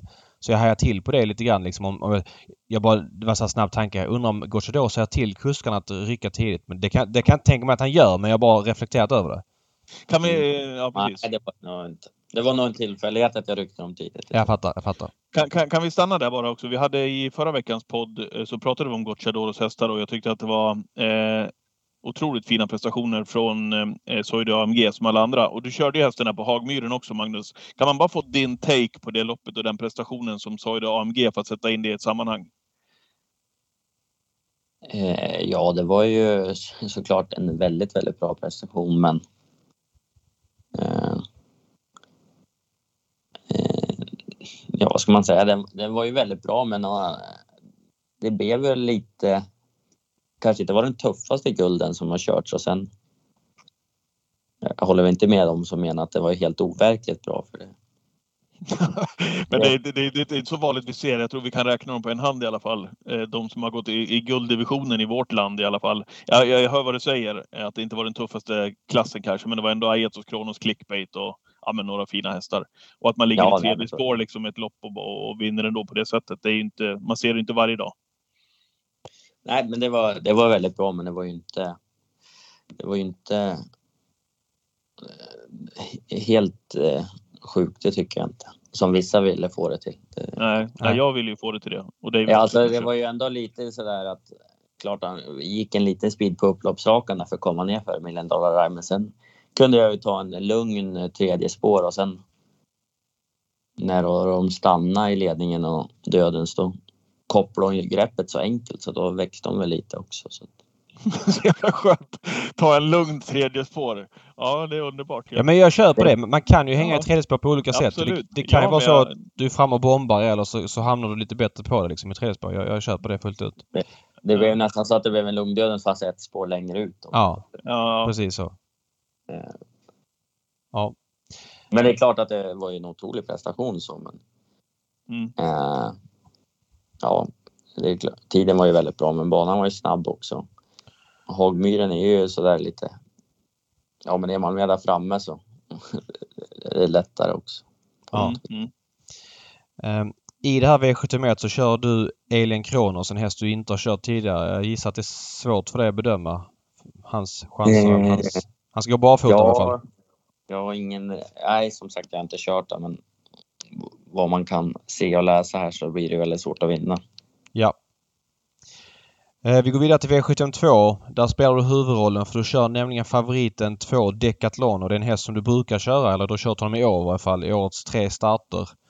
Eh, först och främst, vad är det här för häst tycker du? Eh, jo, men en ganska, en ganska fin häst tycker jag. Han, eh, ja, det känns inte som han har några speciella svagheter. Ganska allround och jag tror till och med att eh, sport 2 här på Bergsåker kan öppna rätt bra. där. Jag är inte förvånad om de håller ut de utvändiga här. Eh, och då, då ökar chanserna. Då är det väl kanske hästen att slå om man kommer till ledningen alltså. Senast startade han på Rättvik V75. Då var han ju också favorit. Då hade du ett springspår. Då, då, då tog ju Loaded Ulle med, med Marcus B. Svedberg ledningen och så fick du gå i dödens. Känslan var ändå att du satt ganska nöjd utvändigt där och då. Hur upplevde du det loppet? Ja, jag fick ju väldigt tuff inledning så jag ville väl inte vara uppe och trycka för mycket på Loaded Olle så att han ja, får köra ihjäl min häst liksom. Men sen blev det ju lite så. Jag fick ju som ingen riktigt grepp på Loaded Olle utan han var ju bra den rann, rann undan om man säger så. så Mm. att, jag tycker väl Tetch att han eh, gjorde ett bra lopp men ja, det blev ju lite för dryg inledning och sådär. Eh, sen kanske, ja, jag tycker kan, kanske han eh, var lite, lite spänstigare gången innan, men jag vet inte, det kan ju vara att han är lite bättre i jänkarvagn också. Jag vet inte, men när, när man tittar på hästen så känns det som att han är nära att galoppera i svängarna, framförallt i slutsvängen. Är det, har jag rätt eller är jag helt snett ute eller vad är känslan när man sitter och kör honom? nej, jag tycker det har känts rätt stabilt. Eh, eh, han är li, lite trång i gången, men inte inte någon större, större fara. Det, jag ty- tycker det kändes rätt stabilt. Eller ja, det känns stabilt i de här tre starterna jag har kört. dem. Ja. Okej, så din plan är helt enkelt att försöka spåra runt om? Ja, men eh, det är väl lite spontant att man försöker få iväg han så fort det går och hålla ut de övriga och sen eh, ja, leda runt om om det går. Du har kört åtta Ringo Adore tidigare. Du vann med honom på Rättvik i, i somras. Vad är din bild av den hästen? Ja, den är ju bra. Den är ju, den är ju rejäl och ja, allround och fin. Fick ju stryk och walking class hero senast. Det, det, den har man ju respekt för, så är det ju. Men vi har ju klart bättre läge i alla fall. Ja. Men du tycker det känns som en sund favorit. Sen är det såklart svårt att säga exakt procent. Men du, du, du känner dig nöjd helt enkelt kort och gott? Ja, nej, men jag tycker det väl, det är väl min bästa chans på lördag i alla fall. Ja. Mycket spännande. Mm. Eh, Kallblods-SM är V75 3. Eh, favorit ser din bror Mats ut att bli med Beckles Uriel, en häst som har tagit enorma kliv här under året. Eh, du kör inte det här loppet men du kanske har en vinkel ändå? Ja, den har ju varit väldigt bra, men det är lite intressant med Månlycke. Jag tycker han var rätt bra sist bakom Det vad var heter han? väl Järvsodden va? precis vad du sa det. Mm. Mm. Jag tycker han gick jävligt bra. Han kanske är sådär att han kommer nu för varje start här. Han har börjat om lite. Och... Ja, jag ska inte bli förvånad om han är tillbaks i gammalt gott slag på lördag då. Då kan han vara en bra utmanare till Beckles Uriel. Beck- Beckles Uriel har ju... Det är svårt att säga för att det var länge sedan han startade över, över två, eller länge sedan. Det var förra året startade han tre gånger över 2,6 och det var bakspår och det var voltstart och han stod hundra gånger så man ska nog inte dra för stora växlar på att han har 0 av 3 på distansen. Men känslan är ändå att han, han, är, inte, han är inte gynnad av 2,6 Beckles Uriel säger jag. Vad, vad säger ni? Nej, det håller jag nog med om. Jag tycker där på Skellefteå där att när jag förkörde lite från start att han kanske inte slappnade av helt utan blev lite väl pigg i ledningen. Mm. Mhm. Nej, men eh, spännande take ju. V75s eh, fjärde avdelning eh, så är det ju lärlingar. Har du, har du kikat någonting på, på loppet? Fråga mig nu. Ja. Ja, lite grann har jag gjort och det.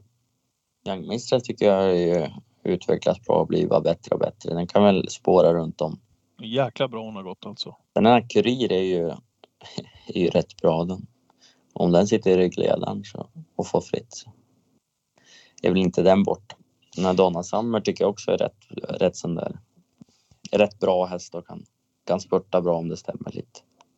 En, Ja. en häst som Imatrahamn, det är en häst du har mött väldigt mycket och din bror Mats är eh, ordinarie kusk bakom henne. Hur, om vi generaliserar, att Stor som ändå har varit ute mot stenhårda hästar men det är en helt annan uppgift nu med, eh, med, med, med tillägg eh, på eh, Eh, en volt som innehåller, 20, eh, eller 20, innehåller 12 hästar från start. Eh, hur ser du på den uppgiften för henne?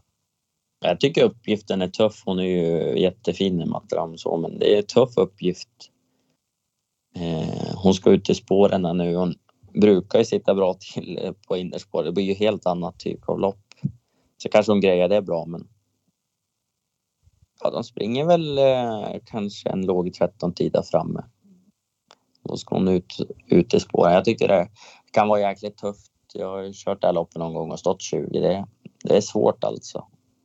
Det finns en annan aspekt med henne. Hon har ju gått i jänkarvagn i alla starter i livet i Sverige och hon har ju gjort starter i USA. Jag kan inte tänka mig att hon gått i vanlig vagn där. Så jag utgår från att hon gått i jänkarvagn i alla livets starter och nu ska gå i vanlig vagn. Det, jag vet inte vad det kan påverka men det känns ju som ett plus va? Mm, och hon har gått med vanlig vagn eftersom hon var i Frankrike i vinter. Ja det har hon såklart. Såklart. Bra. Men- Snyggt. Jag, vet- jag vet inte hur bra hon gick i Frankrike. Jag har ingen riktigt. Ja, hon var, hon var tvåa faktiskt bra.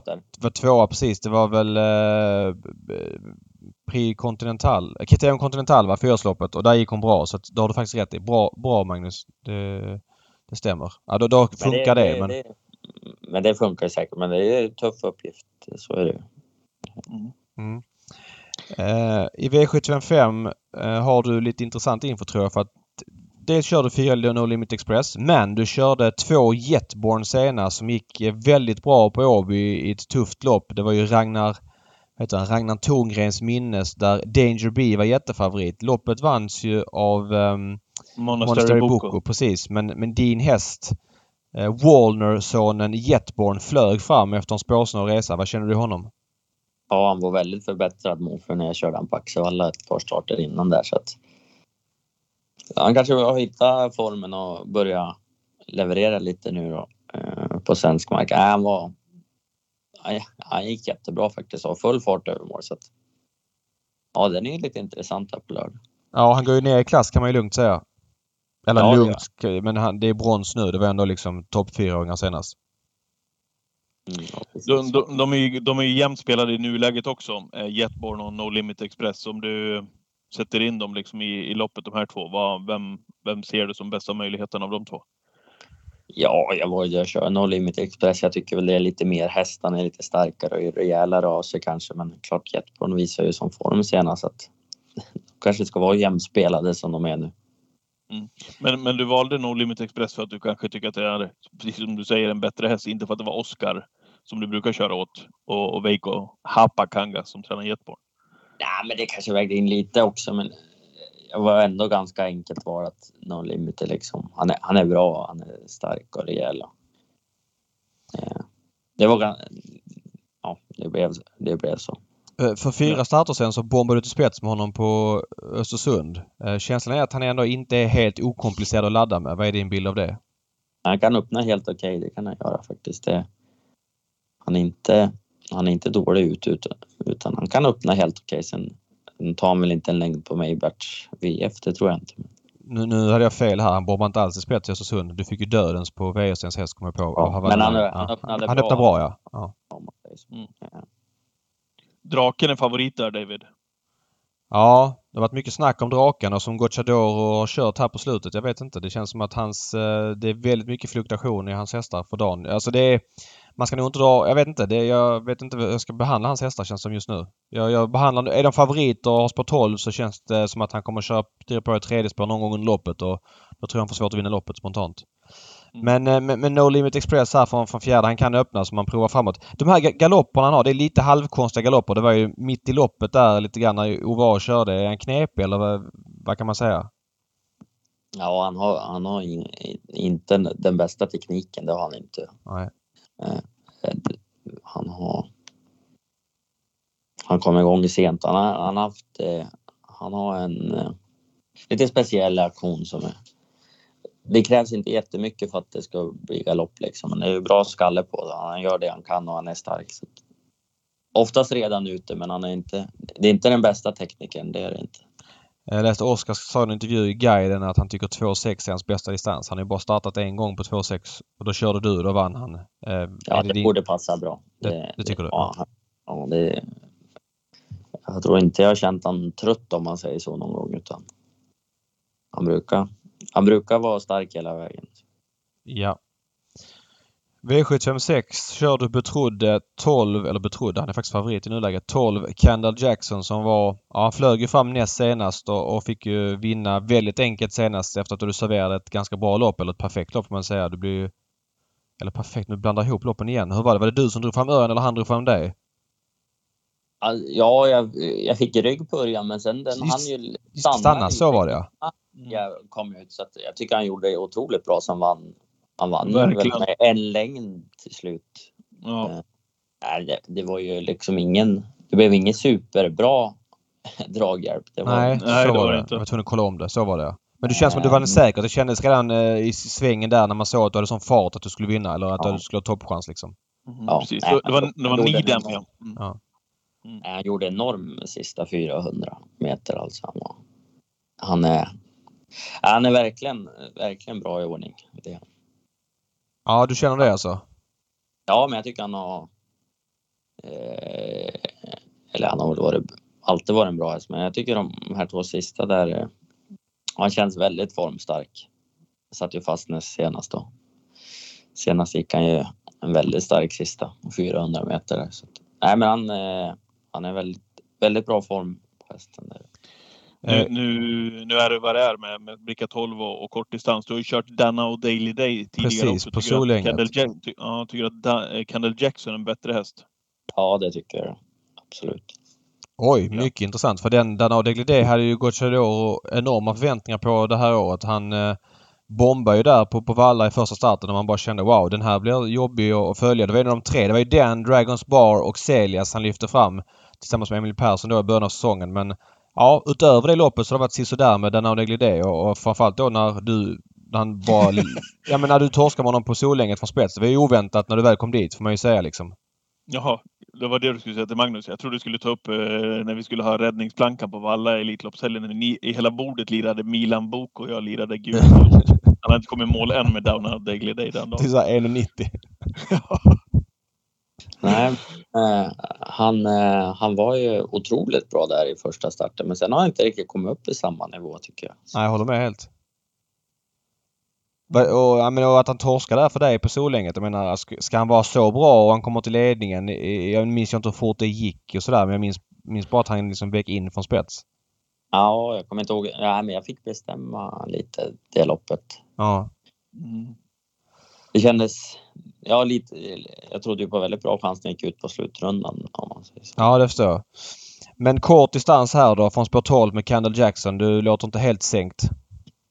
Nej, kortdistans är ju bra, men klart läget är ju inte, inte det bästa.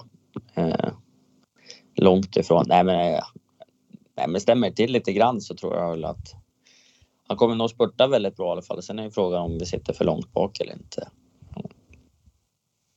Eh, En het, en het potatis på, på Twitter här sista i år, får jag faktiskt säga lite grann. Det är ju Timo Nurmos stallform. Det har ju varit... Ja men det var ju det här vanliga i våren. Ja, men, då, kräks. vad sa Jag du? kräks jag hör det där. Du gör det? Ja. Vad är det du... Kan du utveckla lite grann? Ja, men Vad, vad, sa du för någonting Magnus? Att du... Han kräks Nej, han hörde. jag har också, jag har också ja. hört det där. Och jag, jag, ja, jag ska vara ärlig, jag fattar ingenting av någonting. Kan du utveckla Ja. lite grann hur du... Nej, men de har väl gått hur bra som helst hela året och han legat på en segerprocent över 30. Det tror jag, jag såg när han kört in 10 miljoner på 250 starter. Kan man begära så mycket mer? Jag vet. inte. Men eh, David, nu hänger inte jag lika mycket på, på Twitter som du gör och ser de här diskussionerna. Men är det det som har varit grejen, att han inte har någon form? Är det inte att han har kommit igång och att han startar betydligt mindre? Han har väl bara gjort en 250-260 starter och sånt där. Ja men alltså det, finns ju olika nyanser i, i allting. Alltså eh, vinkeln är väl snarare att Förra gången kom han igång väldigt sent var känslan men, men då fick han ändå ihop 33 miljoner. Alltså de, de exploderade i juni. De var helt enorma eh, från juni och framåt. Och känslan är väl att det inte riktigt har varit samma explosion eh, i år. Alltså jag tror inte att det är någon som tror att Timo Nurmos är sämre men kanske en, en sämre, lite sämre fyraårskull. Nu spekulerar jag här.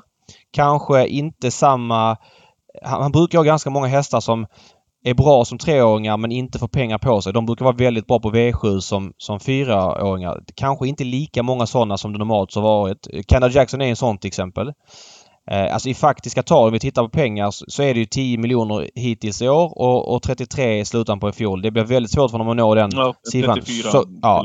Eh, och han har också mindre hästar ska sägas. Eh, så att det är en kombination och, och att det blir spekulationer om sånt här tycker jag är naturligt liksom.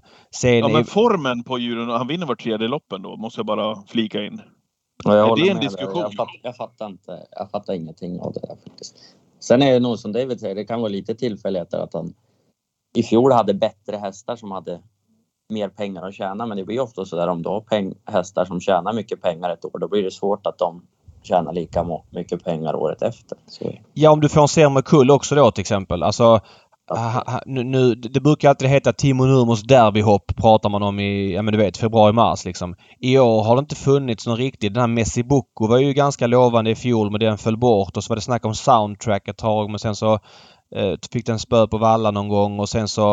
Eh, men det var Esposito kom upp lite här sent men han kändes lite sprinterbetonad kanske. Du vet, det har varit lite olika så att det är ju en slump såklart att inte med hans mått mätt liksom, han har vunnit derbyt så pass många gånger och haft sådana kanoner att det kanske varit en lite sämre bredd på hans fyraårskull att det blir den diskussionen. Eh, och sådär. Men, men, eh, ja, men det var ju intressant att höra din take på det. Du, du, du, du gillar inte den riktigt liksom. nej, jag. Jag, jag tycker jag, jag har ju kört dem hela året. Jag tycker de går bra jämt i princip. Och, alltså vinna vart tredje lopp han ställer upp i den konkurrensen han är ute i, det är väl bara imponerande. Jag tycker det. Jag tycker det är väldigt konstigt, konstigt snack. Eh, och sen som du, du sa också, han, han har ju faktiskt bara 94 hästar på listan liksom. Ja, det är Ska man, köra, ska, man, ska man måste köra in 30 miljoner på 94 hästar för att det ska vara jättebra?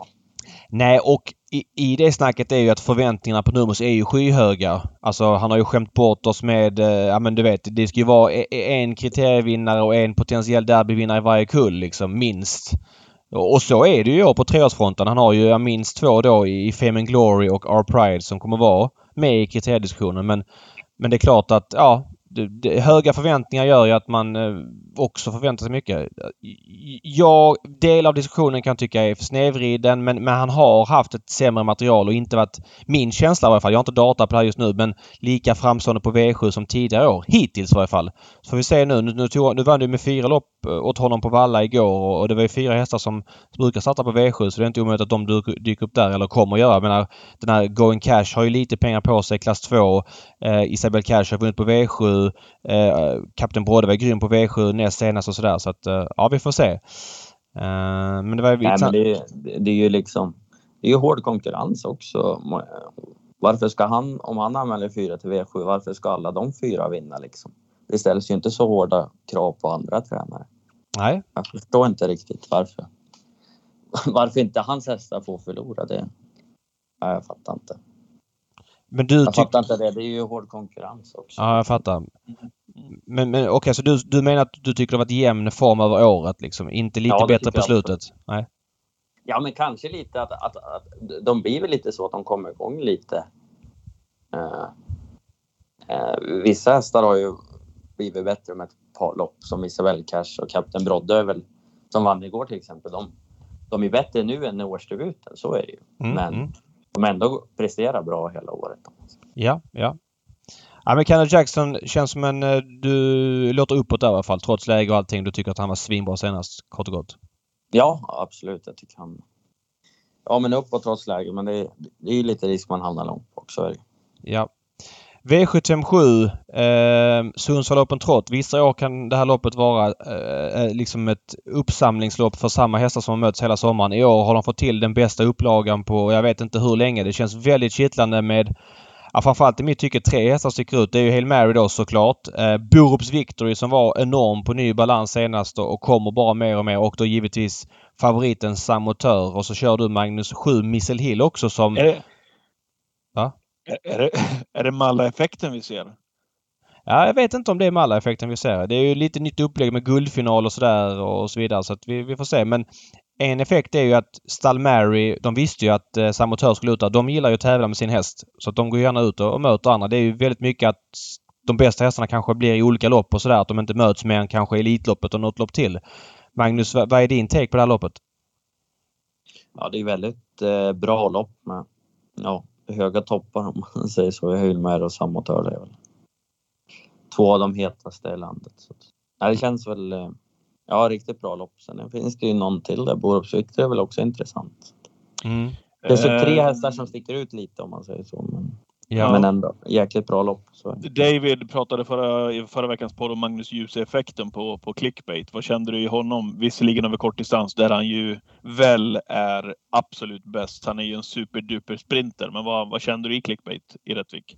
Ja, han kändes jättefin och han, han är på väldigt bra sätt han kändes jättefin. Det kan, han kanske inte ska nonchaleras heller. Han får väl ryggledaren på Hail Mary.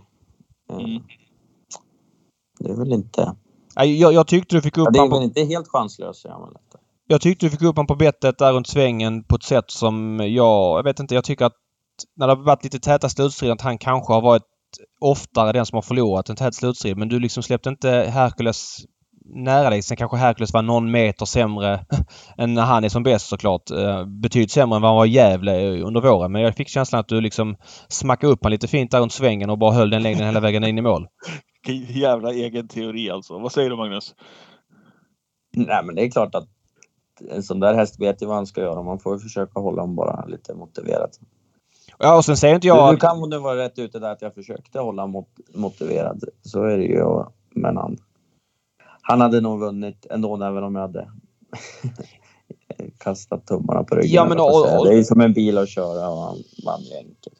Och, och, jag vill också fylla i och säga att det är inte så här liksom att Per Lennartsson på något vänster är en dålig kurs, inte det. Men det kan vara dels... Nej, och, och jag vill inte frånta Magnus bedrift. Som nej, nej. Eller, eller, men sin, jag fick den känslan. Men sen kan det också ligga lite i bytet i sig också. Alltså att det kan vara en faktor. Att det var någon annan som satt bakom att hästen kände av det. Det kan ju vara... Lennartsson kör ju liksom mer eller mindre hela tiden. Det var första gången sen Jeppsson körde Eh, i slutet i november 2022 som någon annan körde. Så det kan också vara en lillfaktor. Men jag fick den känslan i alla fall. Men eh, vad tror ja, vi om ja. ut, utgången här då? Det är ju ganska givet scenario. Det är ju clickbait i ledningen, släpper till Mary.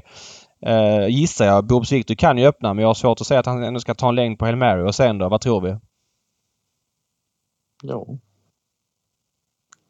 Sen är det väl upp Ja. till samotör om man tar ner den eller inte. Ja, precis. Det är, det är så loppet blir kört. Två i spets, sex tidigt på utsidan och sen får vi se eh, vem som är bäst helt enkelt. Det har ju varit snack om att Hail Mary är bättre andra starten efter täta starter. Nu blir det ju inte lika tätt som tidigare. Jag utgår från att Redén kanske kör något tuffare jobb med honom. Men jag, jag kan verkligen höra snacket efteråt att han ja, hade behövt ett lopp innan för att vara som bäst. Jag vet inte. Eh, vem tror du vinner, Magnus? Jag gillar ju samotör väldigt mycket. Tror väl ändå han vinner, men det är klart. Det är ju ändå tufft att ta ner Hail Mary. Han har ju varit väldigt bra. Ja, Det är verkligen. ju- det är här. verkligen. Ja, det är ju otroligt alltså, de här två sida vid sida. Det kommer bli häftigt alltså. Eh, du har kört Missile Hill. Det var ju faktiskt Jämtlands pris 2021. Eh, vad, vad är bilden av honom? Jag, jag, jag, har inte, jag har svårt att bestämma. Ena, ibland tycker jag att han är bäst med stentuffa upplägg liksom fram i döden och köra. Sen tycker jag att han är bäst i ryggar. Han vann jubileumspokalen bakifrån och så vidare. Vad, vad är din bild av honom Magnus? Uh, ja, jag vet inte riktigt. Eh, jag har bara kört den. Jag har ingen riktig, ingen riktig bild så vad han, vad han trivs bäst med. Så känns det som en, en ganska allround häst att han, han gör det han blir tillsagd om. man säger. Ja, han är ju startsnabb så det blir... Det mesta funkar. Ja, fattar. Eh, ja, det står mellan dem då. Challe då, som vi säger i stallet. Han har ingen chans. Shaman Tusak eller? Mm. Jo, det är väl klart han har chans. Jag vet inte var ska han hamna därifrån. Nej, han får vi hitta ner någonstans. Men han kanske inte duger mot dem där i alla fall. Ja, jag vet Ja, det inte. blir kul att se. Jag vill Borups Viktor. Han var ju, det är väl den som kan. Ja, det är ett ruskigt slutvarv han gick senast alltså. På b- barfota runt om och jänkarvagn första gången. Ja, det är en mycket intressant start. Du Magnus, eh, i Expressens chatt på eh, lördag klockan 11.00 brukar du utse bästa spiken. Har du någon känsla för vem du kommer skriva där nu? Eh, nej, inte på... Nej, om man ska tänka... Alltså, come with, eh, det är väl här Comes with age i första borde väl ha väldigt bra chans. Ja, Galoppen senast, vad säger man om den? Har vi någon vinkel på den? Det var ju så lite Det konstigt stod ju två gubbar där. Ja, jag vet. Men, men de såg man ju. Jag har också sett den bilden. Men jag ser ju inte dem på de rörliga bilderna. Och jag pratade med Fölet som hade pratat med Magnus Jakobsson och han sa att det inte var det, hade Magnus sagt till Fölet. Nej, jag tror inte det heller. Det, men... Nej, jag vet faktiskt det stod två gubbar. Men så Björn borde han väl eh, ha bra chans. Han sprang ju 9-9 på aktuell distans i och för sig på Jägersro. Men... Nej men så är det. Eh, han har verkligen... Vem hade sagt någonting om gubbar? Nej, men jag tror det var eh, Henrik Ingvarsson på Trottosport som eh, Jaha. ha- skrev ett inlägg om det. För jag, jag, jag tror att Björn Frössevi tror jag är delägare i den här. Han, han skrev till mig och frågade om jag hade sett det bara vad min reflektion var. Eh, och jag Ja. började kolla på det. Men jag, jag ser inte på de rörliga bilderna om det händer någonting. Och, Nej, jag, jag fick någon bild skickad till mig att det var precis när han hoppade. Det stod två stycken innanför där. ja. Eh, Och då, Det, fanns någon bild som florerade runt där. Ja. Mhm. och, och då ska vi säga att det var Åbytstravets funktionärer som skulle laga en fotocell som var där. Det var inte liksom inte två killar som hade hittat dit från någon bar på, på publikplats som stod på innerplan. Utan det var ju liksom motiverade människor. Sen var de står kan man ju diskutera och det, det säger jag ingenting om. Men, men eh, den diskussionen fanns. Det var lite kul att du sa det. Det stod två gubbar där. Det var därför han hoppade. Nej okej men det kan, Nej, kanske... Men jag säger han i alla fall. då. Ja, jag fattar. Ja. Ja Ja. men då... då Och då- då- Decathlon, eh, din bästa chans. Ja, det tycker jag. Mm. Hur ser dagen ut i övrigt Magnus? Du är ledig idag. Vad gör du då? Är det Malou efter Eh. tio nu eller du gör något annat? Ja, det blir det. Sitter bänkad där. Nej, jag vet inte riktigt. Eh, idag, eller idag blir det faktiskt rätt lugnt. Inga måsten. Lite små, små saker som ska fixas. Det blir en, en väldigt lugn dag. faktiskt. Du bor ju Ja. nära Daniel Redéns gård. Din bror Martin jobbar där. Du springer inte över dit och tar en lunch eller tar en kaffe utan det är inget du pallar med. Nej, jag, det brukar jag inte göra. Du håller dig borta. Håll, håll, hålla mig hemma faktiskt. Ja. Mm. Vad gör du annars än, alltså, när du inte kör trav? Vad, är det... Eh, ja, det, jag gör inte så mycket. Eh, vi har ju några egna hästar vi tränar och hänger väl i, lite med dem. Eh, kör någon ibland och tittar på dem. Borstar lite. Mm. Ja. Ja, det blir trav helt väl- det är enkelt. väl det man håller på med när man Ja. inte kör travlopp så håller man på med hästarna. Alltså. Du, vilka, vilka är det ni har hemma själv på nu? Vilka Ja, vi hästar? Ja, det är ju två tvååringar och de är ju okända. De har inte kvalat eller startat. Sen har vi Ah, en, okej. en starthäst som heter Love You Shermer. Ja, kapabel va? Men eh, hur är det? Är, är, är det liksom, det är inte bara starta, starta, starta med den va?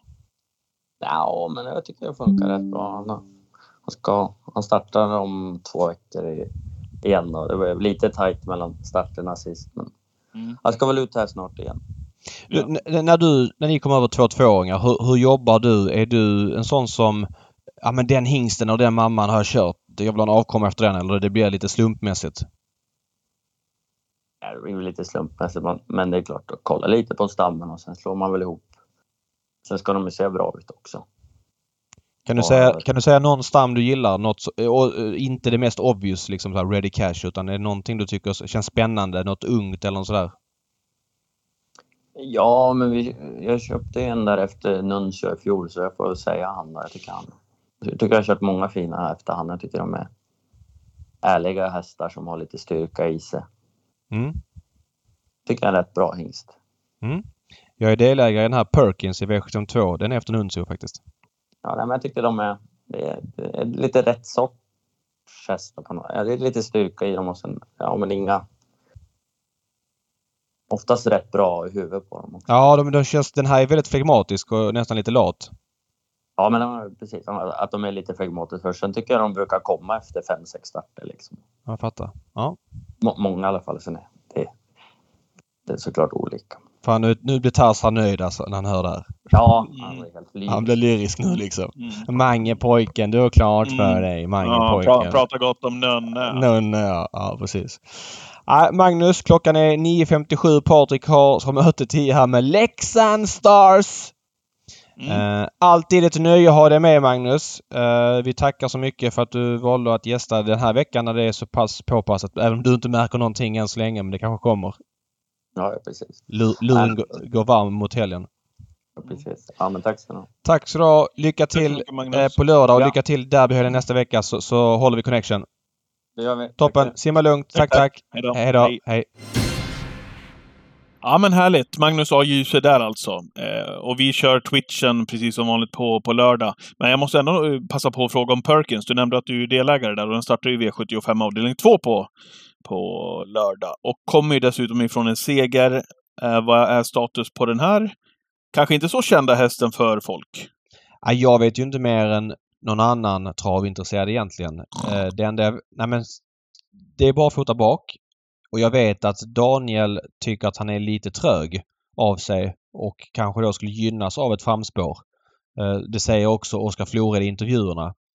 Eh, jag tror att den här hästen kommer vara en, en bra V75-häst på sikt sett till hur han är. Han fick ju ett, en senskada eller en böjsena efter starten på Bergsåker i november förra året och var då borta fram tills i början av augusti där han eh, årsdebuterade och comebackade på Östersund. Näst senast, det var ju ett svagt lopp och han fick gå i döden som stor favorit. Och, ah, han var väldigt trög överlag. Senast kom han ju Mm. till ledningen ganska enkelt. Det var inte så många startsnabba i det loppet på Solvalla. Det var ju jubileumspokalskvällen och, och vann enkelt från spets liksom och, och var verkligen förbättrad med loppet i kroppen. Jag tror eh, att känslan är att bakspåret handikappar honom lite mer än en vanlig häst för att jag inbillar mig att han är lite trög. Men det är ju Wäjerstens uttalande som gäller här mot, mot veckoslutet. Mm. Ja, ska vi... Han är också, det står också lite tufft inne ska sägas. Han tjänade 60 lax senast så han har 165 på sig. Eh, och sådär. Så att det kan ju vara värt att ta med att det är mycket bättre motstånd nu än vad det var senast. Ja, men vad bra. Vi, vi nöjer oss där då. Ja. Med det. Och eh, fokusera på veckans hiss och diss.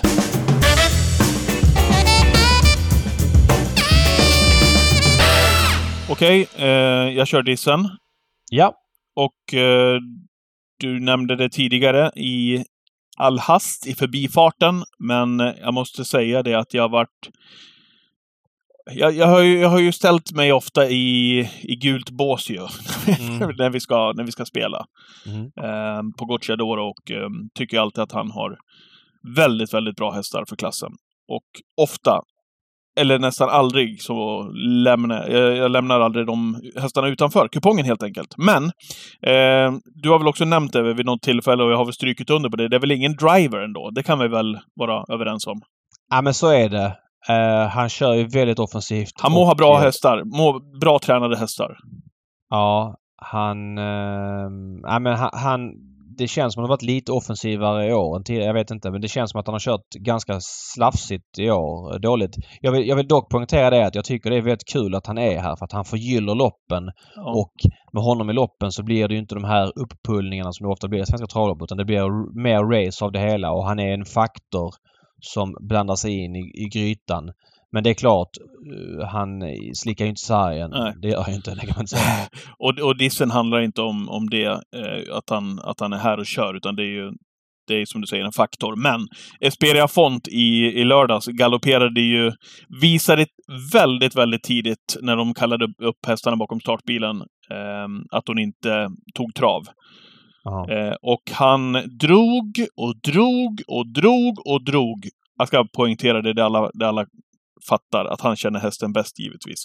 Men det var så otroligt märkligt, för det, det syntes så med all tydlighet att han kommer inte få henne i trav. Och jag tänkte, varför kör han inte upp i bilens vingar och i alla fall testar Ja. och ser om det kan liksom, att de kan haka i rätt gångart, liksom att de ja, kommer på bättre tankar. För det där, det han gjorde, det var i alla fall helt hopplöst. Det syntes med all tydlighet.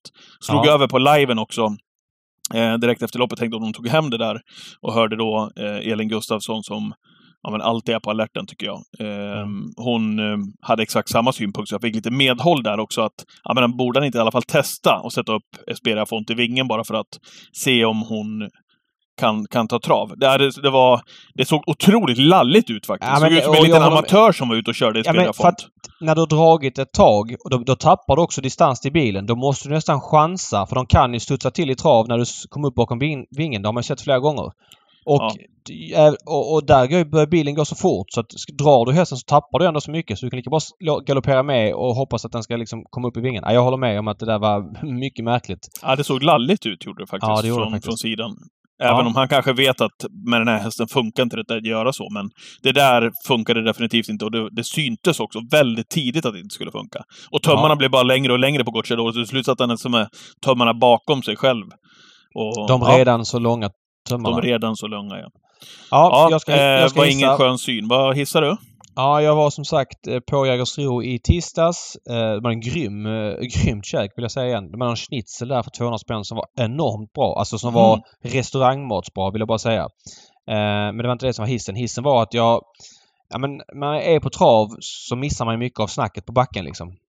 Och ja men jag... Ofta när jag är på trav sätter jag på liven. Och för att få liksom någonting i varje fall. Och det är ju av skiftande kvalitet. Det pratade jag om förra veckan.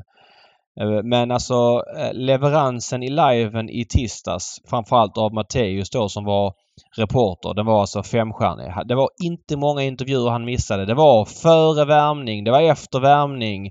Det var mellan ekipage. Eh, det var alla möjliga röster. Det var de som var utslagna, de som bytte material och de som hade gått till final och det var allt möjligt. Man, man kände att man hade fått liksom en bra bild av hur snacket gick på stallbacken bland de flesta aktiva. Jag tyckte han gjorde ett grymt jobb och det ska sägas att den som var redaktör också gjorde ett superjobb som lät Matteus få den här airtimen eh, och att man prioriterade de grejerna som var intressanta. Det kanske är lite lättare och mer lättjobbat när det är derbykval för att det finns liksom intressantare stories och det gäller mer. Men vi har ju sett lika stora tävlingsdagar när det har prioriterats reportage och liknande saker mitt i liven när det finns så mycket att följa. Eh, och då har det liksom inte lirats. Det var verkligen eh, ja, men bra prioriterat i tisdags. Jag tyckte det var snyggt jobbat av alla inblandade och eh, bra sportsändning kort och gott. Ja, härligt. Bra hiss, eh, David. Och Ja. eh, där rundar vi veckans eh, Travpodden helt enkelt och Det- puffar återigen för Twitchen som kommer eh, 13.00 på lördag. Twitch.com så skriver man Gambling Cabin och så börjar vi live 13.00. Ja. Ha en fortsatt trevlig vecka Patrik. Ja, tack detsamma och alla lyssnare också såklart. Bra, Hej hej! hej.